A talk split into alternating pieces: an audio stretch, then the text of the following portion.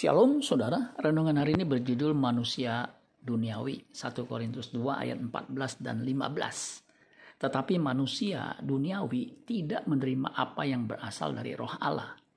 Karena hal itu baginya adalah suatu kebodohan. Dan ia tidak dapat memahaminya.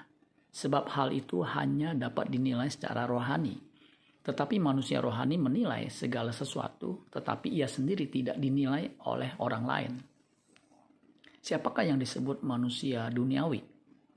Atau bahasa Yunaninya psuke kos, psuke kos, the anthropos. Kata psuke kos artinya natural atau nature.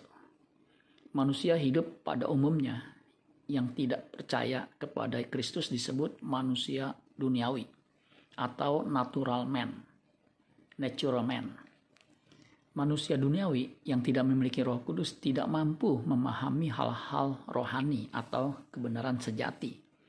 1 Korintus 2 ayat 14 terjemahan bahasa Indonesia masa kini mengatakan begini. Orang yang tidak mempunyai roh Allah tidak dapat menerima apa yang dinyatakan oleh roh itu.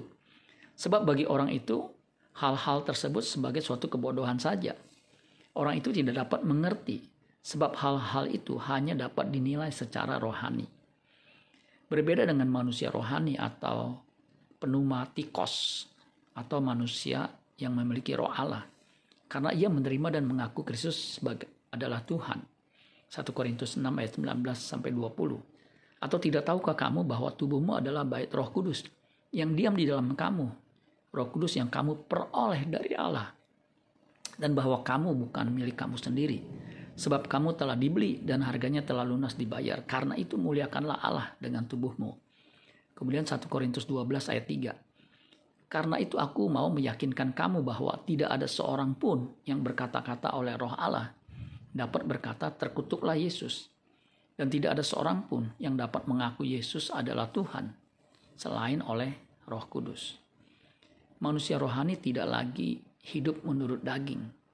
Roma 6 ayat Roma 8 ayat 8 sampai 10. Mereka yang hidup dalam daging tidak mungkin berkenan kepada Allah. Tetapi manus tetapi kamu tidak hidup dalam daging, melainkan dalam roh. Jika memang roh Allah diam di dalam kamu. Tetapi jika orang tidak memiliki roh Kristus, ia bukan milik Kristus. Tetapi jika Kristus ada di dalam kamu, maka tubuh memang mati karena dosa, tetapi roh adalah kehidupan oleh karena kebenaran hanya manusia duniawi yang bertobat dan percaya Yesus sebagai Tuhan yang akan selamat. Amin buat firman Tuhan. Tuhan Yesus memberkati. Sola Gracia.